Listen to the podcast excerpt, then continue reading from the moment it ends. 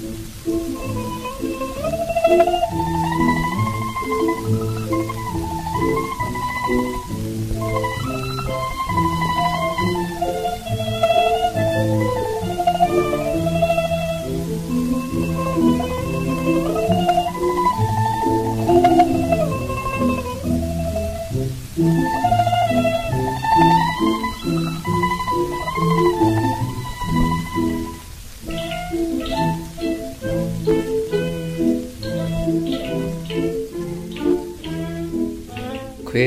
Sinn djöful að draga. Og í Japan nefnist sá djöful Oni. Eða þannig mætti allavega þýða fyrirbærið Oni sem ég ætla að fjallum í þessum þætti. Mætti kalla Oni að djöbla eða púka því að í sumum tilvíkum þá búa þeir í helviti og já, helviti er staður sem er til í japanskum buddhisma eða ég ætti kannski öllu heldur að segja í sumum útgáfum af japanskum buddhisma er til trú á einhvers konar helviti en uh, ónýjar eru þó ekki bara uh, buddískar verur. Uh, það eru hluti af þjóðtrú Japana og, og þjóðsagna hefð og það mætti alveg þýða þá allt eins sem tröll eða risa nú eða bara sem illa anda því að þeir eru til í allskins útgáfum Í þessum þætti þá mun ég stiðjast aðalega við eina tildakna bók, það er Japanese Demon Lore sem er eftir fræðimannin Dr. Noriko T. Ryder sem kennir við Miami University í bandaríkunum og vanalega þá er ég ekkert testaklega mikið að nefna heimildir mínar það maður þarf ekki að hafa heimildaskrá með hlaðvörpum eins og og háskóla reitgjörðum það er nú einna kostan við það að gera svona hlaðvörp svona yfirleitt fyrir hvert þátt þá er ég kannski að styðjast við uh, tvær, þrjár bækur á, af þjóðabróklöðunni eða úr bókaskapnum hér fyrir ofan mig eða ég flettu upp fræðigreinum á leitir sem reyndar er með rosa fínt, fína aðganga að allskins uh, skemmtilegu ítarefni um japanska sög og þjóðtrú en uh, í þessum þætti í dag þá er ég sem sagt aðalega styðjast við þessa bók eftir Noriko T. Ryder og ég ákvaða nefna hana því að hún er aðgengilega á netinu, ókeppis fyrir áhuga menn um e, japanska djöbla og svo leiðis, ég hugsa að það séu allan einhverjir sem hafa áhuga á, á því að lesa sig meira til um onni eftir þennan þátt. Og svo fannst með líka bara svo fyndið að,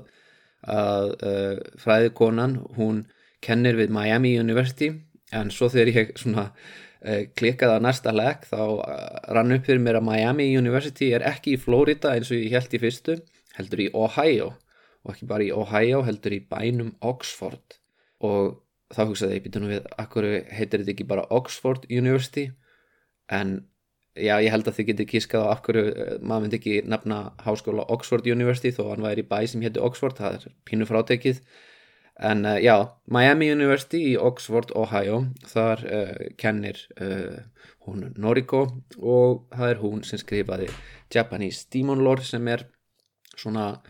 aðal heimild mín í þessum þætti. Auk nokkur að greina eftir sömu fræðikonu sem ég rakst á í leitir.is og ég ætla að fjallum Onja út frá sögum sem snúast í kringum Samuræja Samuræja sem nefndist Minamoto no Raiko og ég fer nánar í það setni í þetta um hver þessi maður var, hann var til í alvörunni. Ólíkt sennilega, já ég er alltaf svolítið skeftískur á að hann hafi raunverulega reykist á aðna uh, sexy kunguluar konur og blóðþista djöblaðarísa í fjöllum Japans. En hvað veit maður? Þetta er allavega svona fígura sem uh, var uh, samtíma maður segi Shonokon og Murasaki Shikibu. Var með þessi þjónustu Fujiwara ættarinnar eins og það er. En orti ekki eh, neitt skálskap svo ég viti, en er orðið svona viðfang ímiðskonar skálskapar og allavega uh, kemur fyrir í mörgum þjóðsugum og ævintýrum. En byrjum fyrst á því að ræða Oni. Nú Oni þeir koma við sögu einu sinna á ári í Japan á hátíðinni Setsubun og Setsubun, uh, orðið Setsubun þýðir bókstafla árstíðaskipti og þetta er svona hátíð sem fagnar vorinu en persónulega finnst með dagsetningin eh, 3. februar vera svo litið snemma í því. Allavega þegar ég bjó í Tókjó þetta eina ár þá eh, fannst mér vorið ekki alveg vera komið í februar það var kannski meira komið eh, í byrjun mars.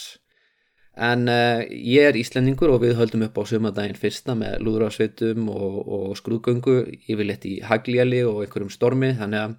ég, við höfum ekkert efn á það að gaggrína annað fólk fyrir það að vera að fagna vorunu í 6 gráðu hita og lokni Ástæða þess að setsupun er haldið á þessum tímapunkti er að í gamla daga þegar Japani notuðu kínverska tungl almanakið uh, þá byrjiða nýja árið yfirleitt í kringum lóki janúar byrjun februar og í dag þá eru Japanir með vestrænt tímatal og vestrænt almanak og þess vegna halda þeir upp á nýjástægin 1. januar og eiginlega alla nýjárshefðunar eru komnar yfir að þann dag nema hvað, setsupun er enþá haldið 3. februar og þá koma ónýjar í bæin ekki svo ólíkt því hvernig jólasennar koma í, í, í tilbyggða á jólunum hjá okkur. En ólíkt jólasennunum þá eru ónýjar ekki með neina gafir, þeir eru, þarna, þetta eru ófrínilegar verur, rauðar, bláar, grænar og með hotna á höfði, výtennur, klær og kilfur. En uh, fullorðið fólk klæði sig í búninga og börn og fullorðnir, aðri fullorðnir, fá að henda bönum í áttina að þeim og hrópa Oni wa soto, fuku wa uchi og skella svo hurðum á þeim. Og þarna, þetta er, uh, eru svona töfra orð, Oni wa soto, fuku wa uchi má lauslega því það sem djöflar verið úti, lukka verið inni og með því henda bönum í áttina að djöflunum og þá, þá tryggja Japanir að gæfan verði inni en að púkarnir haldi sér fyrir utan og þetta er auðvitað mjög mjög gömul hefð til í ímskunar útgáðum að því að hún er gömul hefð en ég atna, veit svo sem ekki hvernig eh, hún fer fram á mismunandi stöðum í Japan, hún er eflaust uh, mismunandi í Kansai og Kanto og Kyushu og Shikoku. Þetta er eitthvað þarna, sem var eflaust hægt að gera heilan þátt um. En uh, við skulum spá frekar í hvað, hvaðan koma þessar verur. Uh, hvers vegna þarna, eru tákmynd ógæfunar og, og náttúruhörmunga og slísa og veikinda því að onýjar valda öllum þessum hlutum og, og ráðast á fólk líka og, í, út í óbyðum eh, hvers vegna eru þeir svona útlýtnandi með hotn og, og fjólubláir og hvers vegna heita þeir onni nú orðið sjálft uh, það gæti verið mjög mjög mjög gamalt. Uh, allavega vil fræðimaðurinn Orikuchi Shinobu meina að þau uppafsitt að reykja til eldra orðs sem hafi þýtt stór mannvera eða risi og hann vil meina að Japanir hafi trúað á tilvist stóra fólksins í fjöllunum. Jafnvel séður sem byrtingamind eh, náttúru að abla eh, og það er nóg af ímsum eh, náttúru hörmungum sem geta átt sitt stað á japansku eigunum það getur verið snjóflóð, örskriður, stormar, flóðbylgjur, jarðskjáltar og eldgós svo eitthvað sé nefnt. Svo, svo það er ekkert svo fáralegt að, að fólk hafi ímyndað sér einhverja illa risa í, sem kæmi þessum, þessum eh, hörmungum af stað. En uh, munurinn kannski á Oni og, og Kami annars vegar. Kami er andi sem getur líka valdið svona hörmungum. En Kami eða Guð er eh, náttúruafl sem er hægt að friðþæja með því dönsum, bænum, fornum og ýmsum helgísiðum en Oni, uh, hann er uh, eitthvað sem þarf að fæli í burtum hann er ekki eitthvað sem við getum friðað svo öðla en þetta er ekki algilt uh, því að sko ónýjar geta orðið að guðum líka. En svo atna, þið munið eftir ég var að segja bara rétt hann frá honum Shuten Doji, blóðþista reysunum ég fjallaði um hann í þættinum fyrsti samúræðin líka og þá saði ég frá því hvernig mínamóton á Rækó fór á samt fjórum ferðafjölugum til upp í fjöllin norðan við borgina Heian. Þar var einhver blóðþistur reysi sem var að ræna yngismegum og hann leta ganga í húsverkin heima hjá sér en svo átaði það líka alltaf að lokum drakkblóðið þeirra og, og mínamátun og Rækó og ferðarfélagar hans þeir uh, klaði þessu upp sem farandpresta til þess að, til þess að fela að atna, stríðismenn og öðlast tröst þess að reysa reysinn hann býði þeim inn og býði þeim að geta mannakjöt með sér og, og drekkur með þeim hrísgrjóna vín sem þeir passa sig að snert ekki en 17 dótsi verður fljótt drukkin og þá stekkur hann Minamoto Noraiko upp og, og heggur höfuð hans af með sverðinu sínum. En höfuði það gerst ekki svo öðuldu upp heldur skoppar það áfram á gólfinu og stekkur í áttina að honum Minamoto Noraiko og býtur í hjálmin hans. En, eh, en Minamoto Noraiko er það vel undirbúin. Eh, þau eru með búin að fá aðna ráðgjöf frá uh, uh, velvilja guðum fyrir í sögunni og hann er með þykkan hjálm á höfði, eða með þess að marga hjálma á höfðinu og þar að leiðandi nær höfuðið ekki að býta alveg í gegn. En síðan taka þeir þetta, þetta höfuð með sér í áttina höfuborginni en uh, við borgamörkin þá áttu þessi á því að, að taka inn höfuð svona, hjá frá svona yllum anda gæti komið á stað mikill í ógjafum, hann er ákveða að grafa það.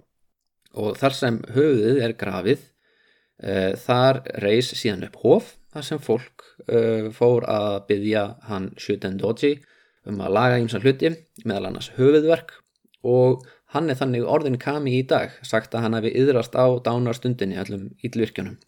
þannig að að Oni er, eh, verður uh, allt í hennu tilbyðin nú þá breytist hann yfir í kami. En uh, og, og þannig sé getur sennilega kami sem er vanrættur fær ekki færingar fórnir eða er, er glemdur þá getur hann sennilega orðið að Oni en ef Japanir trúð á tilvist þessara fyrirbæra áður en bútismin kom þá um,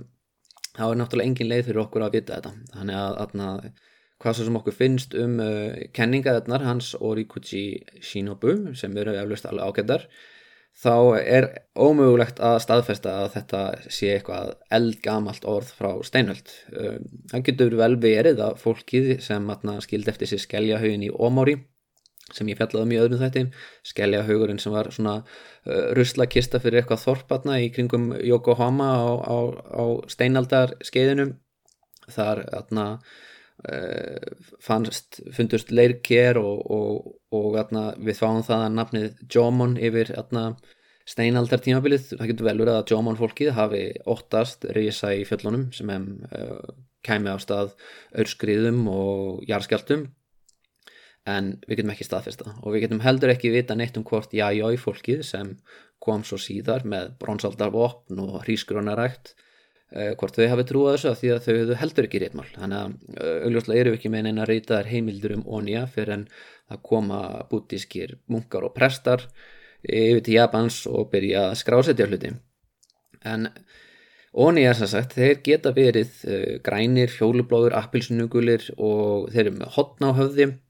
og líka oft klættir í tígristiraskinn og þetta er svolítið sérkennilegu klæðaburður því að þarna, það er engin tígristýr í Japan. En uh, þetta á sér uh, svolítið merkilega skýringu. Ég veit ekki hversu kunnug þið eruð kynverska dýrarhingnum svo kallaða það er 12 ára tímabil uh, þar sem já, við höfum kynversku stjórnmerkin við á Ístvesturlöndum við skiptum þessu upp eftir mánuðum, veist, það er bómaður sportryggi í Vasperi og það veldur bara á því hvaða mánuð við komandi fættur í. En í Kína og Japan þá getur fólk verið rotta, uksi, tígur, köttur e, og svo framvegis. Og það veldur allt saman á árinu sem þú fæðist á. Og þarna ég til dæmis er rotta fætt árið 1984 og það er höðult fyrir ykkur að fletta þessu upp. Og Ástæðið þess að róttan er endar fyrst, þetta er fyrsta dýrið í dýrarhingnum, það er atna, til þjóðsagum það að búta ákveða að skipta upp uh, dýrarhingnum og hann held veistlu til að fagna því en uh, róttan mætti fyrst í veistluna og held hinn dýrin þau litur svo stórt upp á sig að þau ákveða að koma sent og láta býða eftir sér. En maður lætur náttúrulega ekki búta býða eftir sér, það var róttan og hóvar til að vita. En það er ekki bara árin sem eru skiptu upp eftir þessum dýrum heldur eru það líka áttirnar og þarna, það er uh, þetta er mjög mikilvægt atriði í þarna, bæði Kína og Japan alls konar hjátrú tengd þessu og alls konar fræði líka. Og uh, það er áttirnar hafa mismunandi þarna, uh, hlutverk ef svo má segja. Suðriðið tali tengjast ríkidæmi svo eitthvað sem nefnt. Og maður á að passa sig á veist, hvar maður á að hafa eldin í húsinu eða eldhúsið og klósettið og inganga og svona. Og svo, svo dæmi sína þá þykir ekki gott að hafa ingang í norðaustur uh, hluta íbúðar. Og atna, bæði Japanir og kínverjar forðast það því að þetta, þessi sápartur af húsinu hann nefnist Gímon eða djöbla hliðið og það er talið að ógjafan komi en það vil svo til að ef þú skiptir þarna uh, þú, ef, þú, ef við ímyndum okkur hérna núna í smástund að þarna svona ring með öllum dýrónum á dýrarhingnum þar sem rottan kemur fyrst í há norðri og færum okkur svo yfir í, á norðausturliðina þá kemur næsta dýr uksin og svo tígurinn. Og þessi ushi tora eins og það heitir á japansku uksi og tígur uh, það er djöbla áttin þessi dýr þau eiga djöbla áttina saman og þarna, þess vegna eru ónýjarnir sem eru yllir andar sem kom úr norðaustrinu uh, með hodn á höfði og klættir í tígristera skinn oft á tíðum. Af hverju er ógjafansamt áleitin kom úr norðaustri? Það er til ímsar kenningunum það. Til dæmis getur verið að norðausturvindurinn hafi ofta á tíðum skemmt uppskjöru fyrir kínverjum þegar þeir voru lítil bronsaldarsýðmenning við gulafljótið og þeir hafi bara einfallega tengt uh, ógjafi og náttúruhamfarir við þessa átt. En svo getur það líka verið að, að, að það sé vegna þess að þeir hafðu óvinna þjóðir og óvinna ættbolka í norðaustri og það er ímiðslegt sem stiðu það. Nú til dæmis uh, svo staðrind að Kínamúrin er byggður sérstaklega til þess að verjast úr norðaustur átt og beina óvinnum uh, ríkisins í áttaða gópi í eðimörkinni í, í vestri en uh, eitt sem stiður þessa kenningu um að norðaustrið hafi verið óheila átt einmitt út af uh, svona út af því að óvinnirnir komið þaðan er uh, svo staðarind að táknið sem er notað í dag til að skrifa onni með var, er gamalt tákn sem kynverið notuðu upprunnulega til þess að skrifa ættbálkur eða þjóð sem ekki lítur yfirvaldi keisarans. Með öðrum orðum útlendingar og villimenn og barbara sem eru ekki að hlýða yfirvaldinu og eru ógn úr norð-austur átt. Og þessi kosmíska heimsmynd hún passaði ágætla fyrir litla japanska keisaradæmið sem var að verða til þegar bútismin kom til Japans að því að villimennir sem ekki vildu hlýða keisaranum þeir byggu nefnilega í norð-austurluta eigaklassans þannig að það var uh, keisarin í byrjun heiantíma hans og út allar næra tíma hann var stöðugt að senda stríðismenn í norð-austur átt þess að hertaka svæðin þar. Og já, þar höfum við það. Oni er risavaksin karl eða kona þetta eru til kvennkins Oni er líka ofta tíðum í tíkristýra lendarskílu með hotna höfði. Þrjá fingur, ég veit svo sem ekki af hverju hann er með þrjá fingur en, en hann er yfirleitt þannig. Og svo er hann stundum með stóra járnstöng sem hann notar til að pinta fólk með. Eh, þar að segja ef hann er onni sem er í helviti og sem fæst við að pinta fólk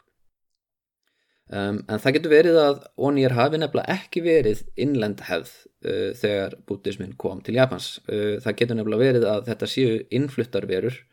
byggðar á tveimur fyrirbærum Rasetsu og Yaksha. Þetta eru hugtökur sanskrit.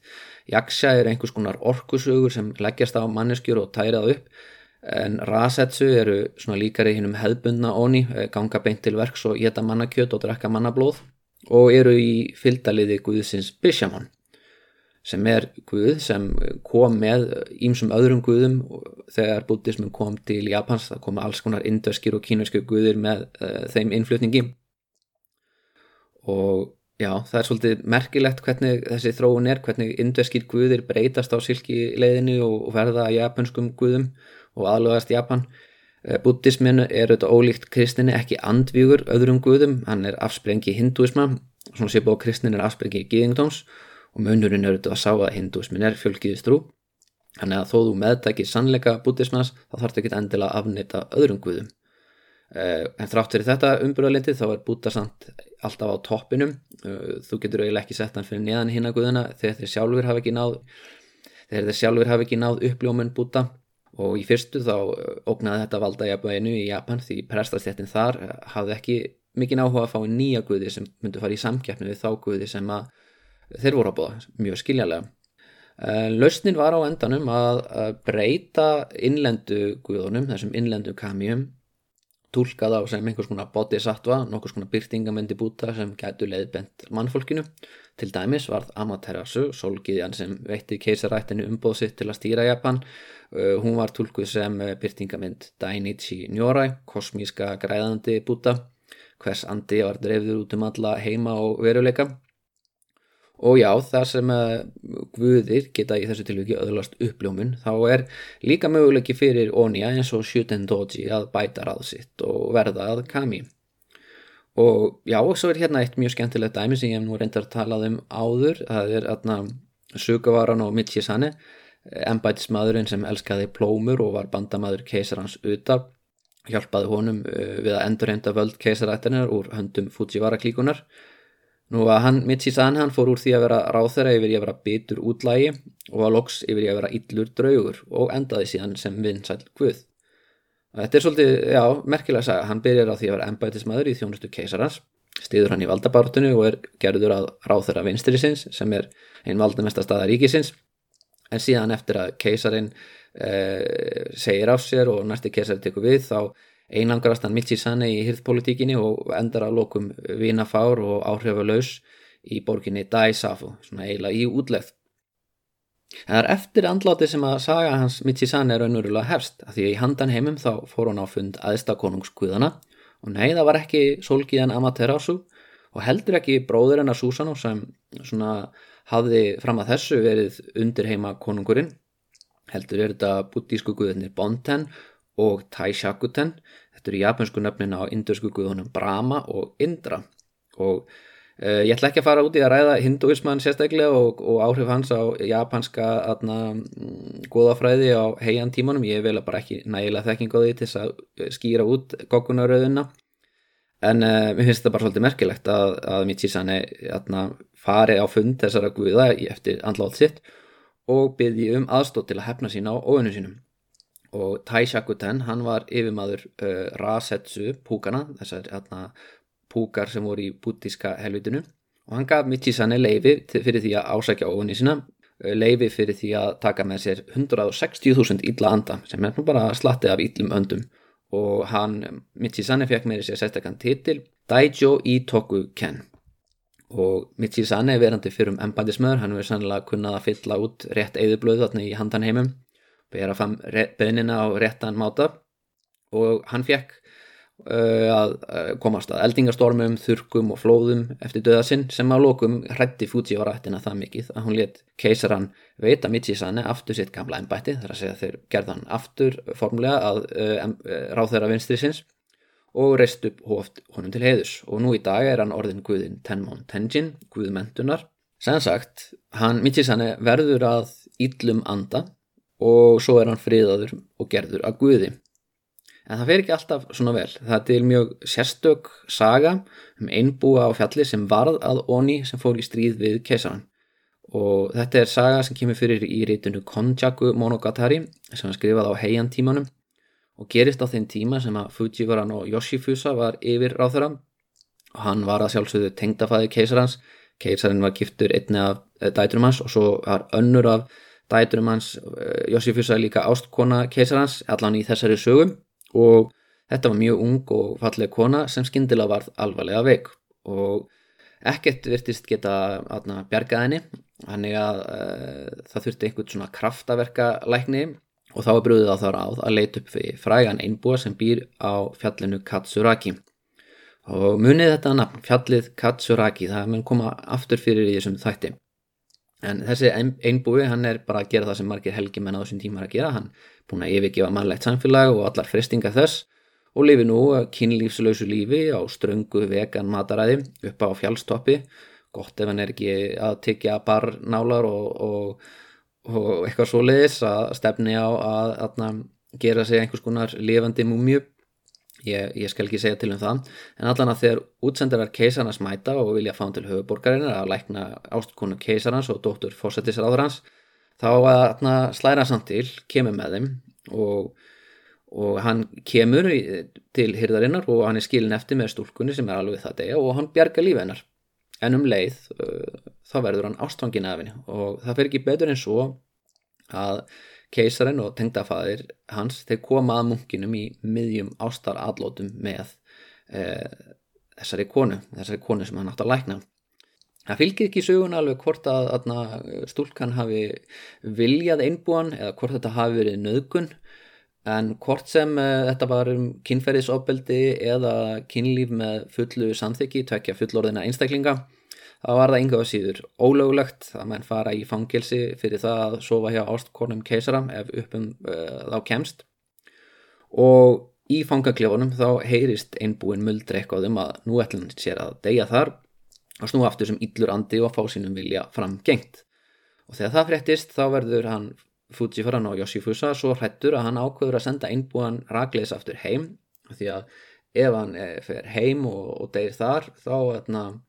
hefur hann enga ástæðu til að vera bitur og reyður og verða einhvers konar onni hann kan eiginlega óttast að þessi helgi maður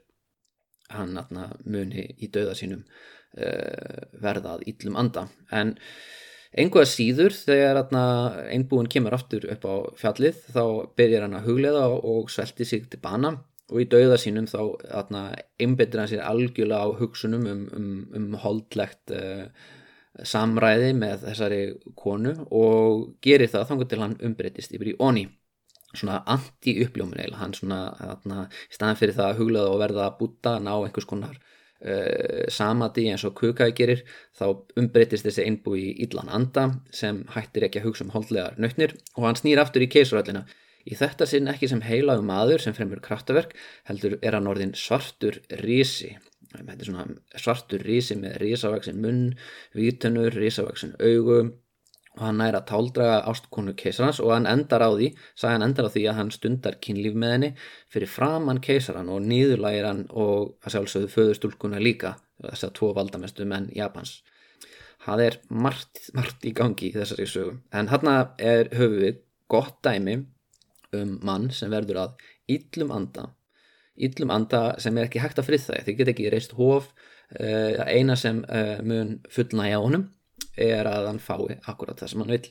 þannig að já það getur verið uh, þetta getur verið mjög mismandi og ég er náttúrulega búin að segja ykkur frá Tæran og Masakato líka manni sem gerir uppreist gegn keisarunum og síðan hefur hann sigur ekki í lifandi lífi að því að uppreistin endist bara í 50 daga og endir á því að hann er hálsakun en Eh, höfuðans næra að fljúa aftur heim og, og Tæran og Masakato verður að Guði sem, já, ég bel enn þann dag í dag augrar valdi keisaræktarinnar. Um, þannig að við sjáum hér, þetta er svona þrjú dæmi um, um menn sem gera uppreist gegn ríkjandi valdtöfum og verða ímist Guðir eða púkar í leðinu En nú langar við að snú aftur að honum Minamoto og Raiko og fylgdaliði hans. Þetta eru menn sem eru þjóðsögnafíkurur, þetta er stríðismenn sem byrtast í ymsum ljóðum og sögum og loks kvikmyndum og skáldsögum. En um, ég ætla svona uh, rennum yfir, þetta voru raunverulegi menn þótt þessi orðnir eitthvað meira í dag. Minamoto og Raiko var stríðismadur, hann var ættarhöfuð Seifa Genji stríðismannættareinar og þeir sem hlustuðu á síðasta þátt þá vitið þau auðvitað að e, kynverska táknið fyrir Minamoto merkir uppbrunni og það er hægt að lesa þetta á tvo vögu það er sem sagt eh, Minamoto eða Gen og prinsinn Genji hann er sem sagt af Minamoto ætt. Og margir e, keisarar þeir eignuðust mjög mörg börn og e, stór hluti þessara barna fekk, e, fekk ætlanafnið Minamoto. En sem sagt hann Minamoto no Raiko hann er í Seiva Genji ættinu og þar að leiðandi er hann ákomandi Seiva keisara. Sem ég nú sagt ykkur frá í tveimur þáttum. Hann er aðna vart krónprins nokkur að mánaða gamal keisari einugis nýja ára aldrei og það var uh, hann hétt Korehito raunurulega Seiva er náttúrulega keisarana og hann var í samkeppnum við stóra bróður sinn Koretaka fadir þeirra vildi að Koritaka myndi erfaríkið en, en það tókst ekki að því að hann uh, Korihito var það heppin að móður hans var Fujiwara og, og móður hans Koritaka var það ekki. En þarna Seifa verður sér satt keisari og hann eignast uh, mörg börn og uh, flest þessi börn þau fá ættanafnið Minamoto og afkomandi þeirra verðu í á svona atvinnu stríðismenn og Minamoto no Raiko hann var af þriðju kynslu stríðismanna þessar ætt og hann barðist við óvinni keisarans og í nafni hans en í raun og veru þá var hann var hann í raun og veru aðna útsendari Fujiwara no Michinaka stundum kallaði reyna varðhundum Fujiwara ættarinnar. En aðna Raiko þó svo hann hafi verið afkomandi keisara langt aftur í aldir þá var hann ekki á toppnum í gókunaröðunni það er mjög líklegt að fólk við hýrðina hafi svo litið lítið niður á hann. Raiko er bara einn af föndunum í þjónustu Michinaka. og mjög fær rittari, góður skilmingakappi og bókskita en það er hann búin að eða allir æfin í að læra þessa inn, hann er ekki búin að læra að semja ljóð eða að lesa fræðiritt og þannig, hann er svona úr lág aðelinum og ég menna orðið samurægi upprunalega það e, merti þjótt þó svo að aðna, í næstu þáttum þá er ímislegt eftir að breytast og, og þjónatnin kannski e, verða hinn í raunvölu herrar Japans. En, en það kemur aðeins einna nú með honum Minamoto uh, no Raiko er stríðsmaðurinn Watanabe no Tsuna næst ráðandi í þessu gengi. Og hann er enda líka af Minamoto ætt en einhvað síður yfirleitt kallaður Watanabe að því að hann er ættfadir Watanabe ættarinnar. Um, hina í genginu er ekki svo margt að segja nema hann Sakadan og Kintoki sem er mun frægar undir nafninu Kintaro eða Gildi drengurinn í þjóðsagnahæðinni þá er Kintaro alin upp af Kvenkins Oni eða svona tröllskessu upp á fjalli í hlýðum fjallsins Ashigara. Og þar rekst hann Raiko á hann. Raiko er að ferðast um Japan að berjast við Onia og svo verður hann bísna einbörnæriðar þegar hann sér þennan sterka unga mann. Og atna, já, hann er svo sett búin að eigða æskusinni í, í hlýðum Asi atna, í hlýðum Asigara fjalls og glíma við byrni brjóta grjót með nefanum og svo veit hann einu svoni karfa og starfið hross og var þá bara fimm árað aldri. Þannig að hann er svona einhvers konar undra bann og Kintaro hann er yfirlegt síndur í rauðri sundu með takni kinn eða gull skrifað með gildu letri og heldur á öksi og brúður af honum eru frekka vinsalar, vinsal gjöf á drengjadeginum þegar að því að atna, þá fá ungi drengir oft eh, brúður uh, sem af honum kynntar og, það er út af því að hann er svo mikill fyrirmyndadrengur, þá bústlega hugur okkur og hraustur og bara hinn fullkomni kall maður En já, þetta er svo að uh, gengið sem er í kringum hann mínum átun og ræk og fylgdamenn hans eru oft kallaðir hinnir fjórir himnesku konungar, Shi-Tenno og það er vísun í fjóra bútíska guði sem eiga að venda heiminn fyrir yllum öblum og það er svolítið ábyrrandi bútískur þráður í sögunum um hann mínum átun og ræk til dæmis í sögunum Shuten-Doji þá fara þessi menn saman í nokkur hof og, og, og fara með bænir og síðan rekast þeir á Eh, já, þeir fara í hérna, fjögur hof og svo rekast þeir á fjóra gamla menn sem eru satt, þessir guðir í dulargerfi og þeir veita þeim hérna, ráðum hvernig þeir eiga sigrast á hérna, honum Shutendoji og upprunnið þessara þjóðsögu gæti verið sá að það var hópur ræningja sem gerði Oeyama fjall norðan Kyoto að bækistöðu sinni og Minamoto no Raiko var sendur þar í raunveruleikanum til þess að uppræta þessa til þess að hrekja burt þessa útlaga en við veitum auðvitað aldrei með vissu hvaðan uh, svona sögur koma. En hún hefur undið upp á sig og, og atna, í einni útgáfinni þá er uh, Raiko orðin að holdgerfingu Bishamon, japansku útgáfinni af indasku guðunum Vasravana. Og Shuten Doji er byrtingamenn Dai Rokuten og Má hins illa myrkra höfðingja sjötta heimins og atna, elstu útgáfinar þessari sögu eru ekki að flækja þetta með, á þennan máta en en sem sagt með tímanum þá atna, verður þetta alltaf meiri og meiri góðsaga og, atna, og atna, þessi sítenno þessi fjóri himnisku konungar þeir eru taldir holdgerast í þessu stríðismanna gengi nú sverðið sem að Ræko notaði til þess að drepa hann Shuten Doji hauka á hann höfuðið það, er til sínis í þjóðminniarsafninu í Tókjó eh, svolítið erfitt að staðfesta hvort það sé raunverulega sverðið hans Ræko en uh, Doji Giri eins og það heitir nafnið merkir bókstaflega sverðið sem skar Doji. Það er uh, samt sem áður elsta katana í heimi. Katana er þá er hefðbundna sverð samúræði og þetta tiltekna katana uh, er þúsund ára gamalt. Svo það getur vel verið að, að hann atna, Minamoto no Raiko hafi átt þetta. Í það minnst að var það í eigu einhvers sem var samtíma maður hans þetta er alls ekki elsta sverðið í Japan en þetta er elsta katana í heimi og, þarna, og ég er eða svolítið pyrraður ég heimsótti þjóðminnarsafnið í fyrra og, og hafði þá ekki hugmyndum að þetta sverð var til sínis en ég get að bóka það næst þegar ég er í Tókjó þá ætla ég að reyna að finna þetta sverð þó svo það er kannski ekki sérstaklega svona þetta er náttúrulega bara gamalt sverð en það var mjög gaman að, að, að verða það fyrir sér eftir að hafa lesið þjóðsöguna um hans Shuten Doji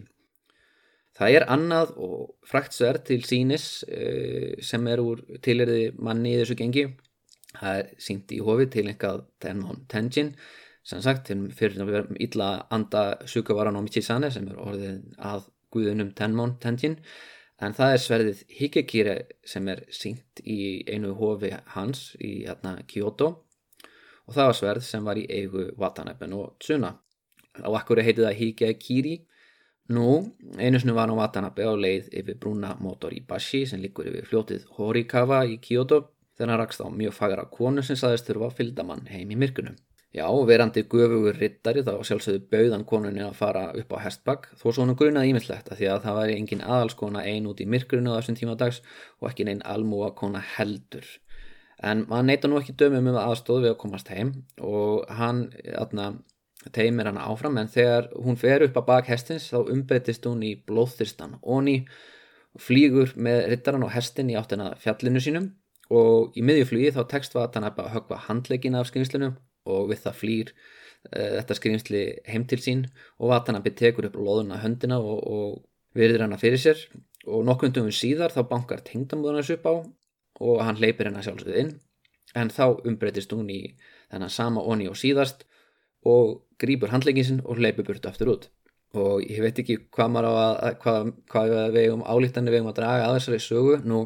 ein álíktan getur verið svo að og nýjar eru hamleipur þeir geta skiptum hana, skiptum uh, kyn og, og útlitt öðaldla hana, það var að sjálfsögðu ekki tengdamóður hans Watanabe sem kom í heimsókn heldur var þetta onín í dulagerfi og þessi saga hún er varð innblástur í fræða bíómynd sem heitir Kuroneko eða Sortu köttur, þetta er mynd sem var gerði í 60 uh, eitthvað og hún er bara nokkuð skemmtileg. Ég allan í minningunni, ég horfði á hana fyrir ykkur um tíu árum síðan en í henni segi frá bóndanum Hatsi sem er dreyin burt í stríð í norðri og hann er í þjónustu, hans Minamoto no Raiko í myndinni. Og hann, atna, meðan hann er að berjast við þessa emishi í, í norðrinu þá atna, tekst hann um að sanna sig það vel að hann er gerður að samuræja en þegar hann snýr aftur þá uppgötur hann að eiginkona hans og móður hans hafi verið drefnar af einhverjum einhverjum ræningum. Og það kemur í ljós að þessi ræningjar voru samúræjar sem búið í nákvæmni borgarinnar en þegar uh, þessar konur dói þá gerðu þær samkómulag við illagvöði og snýra aftur sem draugar og þær byrja að hefna sín á samúræjum, táldraga þá og myrða þá. Og ég ætla ekki að spilla þessari sugu of mikið, kannski bara smá. Uh, hún er atna, hún endar á því sem sagt að atna, hann eh, Haji er sendur til þess að uppræta þessi skrýmsli hann hefur ekki hugmyndum að hann sé að fara að berjast í draug eiginkonu sinnar og draug móðu sinnar og öðna, honum tekst að sigra eiginkonu sína og högva handlegin af, öðna, af uh, móður sinni sem umbreytist þá í svartan kattalegg. Og hann tekur eh, leggin með sér, sínir honum ræko þetta til sannunar á hetjudáðinni og Samuræn fyrirskipar honum að, að eigða sjötugum í hreinsunaratöfn, hann fer svona í, má segja, sóttkví með hennan förðulega loðuna legg, en það endar á því að móður hans byrtist uh, áður en sóttkvíni líkur og hann hleypir hennar sjálfsögðu inn að því að þetta er móður hans, maður hleypir ju móður sinni inn hefur það banku upp á. Og þá umbreytist hann í svart kattaskinslu og stingur af með fótinn sinn. Uh, frekar einföld uh, kvikmynd, miklu skemmtilegri en hún hljómar í minni lýsingu. En einmitt bara atna, mjög gott dæmi um hvernig atna, hversu mik miklar hamleipur ónýjar eru í, atna, í svona japanskri þjóðsakna hefð og eru ofta tíðum uh, draugar uh, fólks sem hefur verið beitt miklu misrétti. Og það eru til aðra sögur um ónýja sem dvelja í kringum brýr og eru að ráðasta fólk til dæmis sagan um Ujino Hashime. Í þjóðsögum um hana þá er hún kona sem hefur verið yfirgeðan á eiginmanni sínum. Hún fer í hof og byður til Guðun um að umbreyta sér í onni svo hún geti náð fram hendum. Og eitt Guðun vorkennar henni svo mikið það að hann segir henni að hún geti umbreytt sér með því að baða sig reglulega í fljótinu Uji sem hún svo gerir og býr til fimm fléttur í hárunu sínu sem verða á fimm hotnum, felur sig svo undir brunni sem fer yfir fljótið og byrjar að ráðast að fólkið í kring. Og stundum byrtist hún sem karl og táldregur konur og stundum byrtist hún sem kona og táldregur karla en endar alltaf á því að geta fornalambið þannig að þið heyrið að það er alls konar, alls konar uh, allur gangur á því hvaða kyni uh, ónýjarnir eru, þeir skipta uh, úr einu kyni yfir í annað eða þurfa þess. Og já, eru algjörar hamleipur svo þá höfum við það hendir, líkamlega frestingar, öfund allt getur þetta verið góð ástæða til þess að verða að skrimsli en þessar sögur eru líka notaðar til þess að afmennska fólk og það er önnur típa af skrýnsli sem kemur fyrir í sögunum um hann Minamoto no Raiko. Það eru jarðarköngularnar Tsuchi Gumo. Og í einni sögunni þá voru þeir Raiko og Watanabe á ferð þegar þeir sjá fljúandi höfukúpu já, mikið um fljúandi höfukúpur í hérna, japanskum uh, japanskum góðsögum greinlega og þeir eru auðvitað svona hetur þannig að þeir elda höfukúpuna sjálfsögðu. Uh, þó svo atna, ég hef hugsað að ég tali nú fyrir 90% okkar þegar ég segja að við flest myndum fara í hinn áttina. Ég myndi ekki, ef ég segi höfukúpu síða yfir heiminni þá myndi ég fara í áttina sem er höfukúpan uh, er ekki að fara í Já, en uh, auðvitað er ég ekki samúrægi og, og, og það sem samúrægi er að gera er þegar þið sjá fljúandi hugukúpur byrtast þá er að sjálfsögðu eldaðir hana. Þeir inn á gamlan yfirgifin herragarð. Þar mæta þeir alls konar skrýmslum yfir nóttina en undir uh, lok hennar, uh, já þegar dögunin kemur þá byrtast þrjár fagarar konur sem er einað heilla þá Þetta eru fegustu konur sem samanröðnir hafa séð á æfisinni en Ræko lætur ekki plata sig heldur heggur eina þeirra, hann sér í gegnum blekkinguna og svo kona byrjar þá að blæða kvítu blóði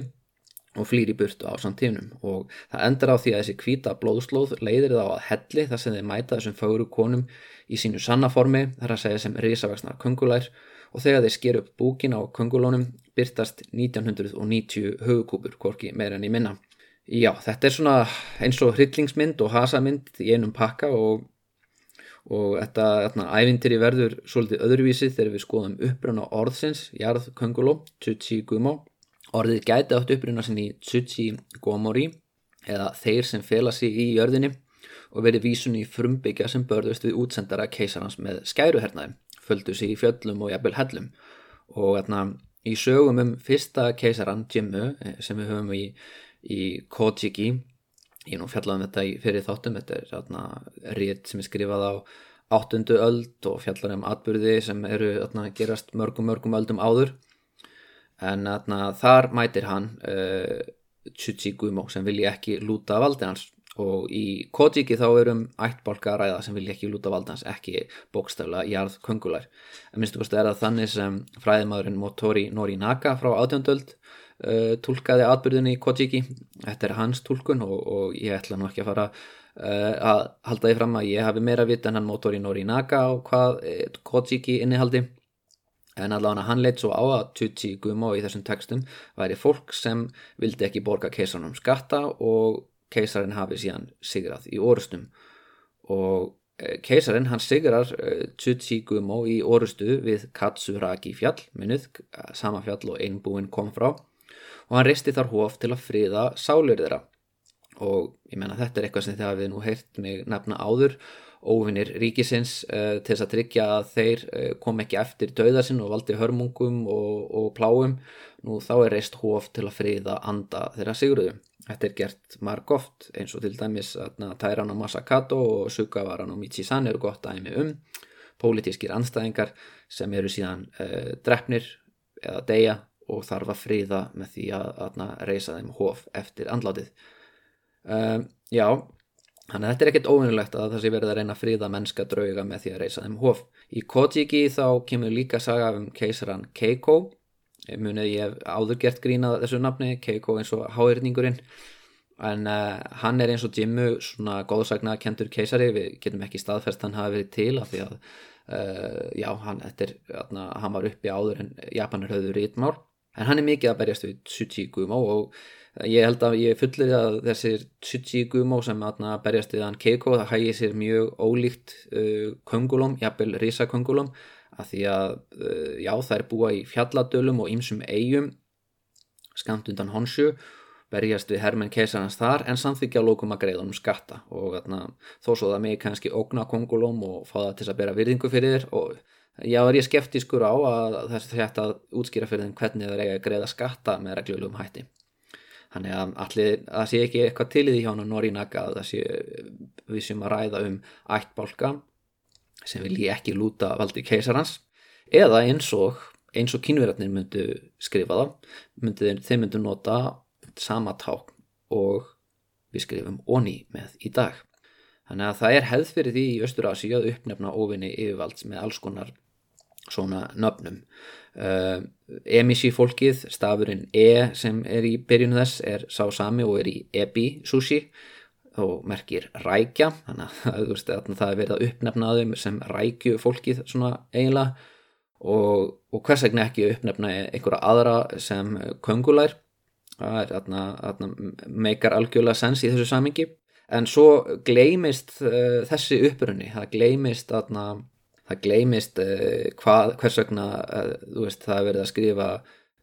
köngulær á einhverjum tímapunkti þá hættir þetta að vera móðgun ættbálkurinn á endanum verður er ekki lengur til og er bara hluti af, af japansku þjóðinni.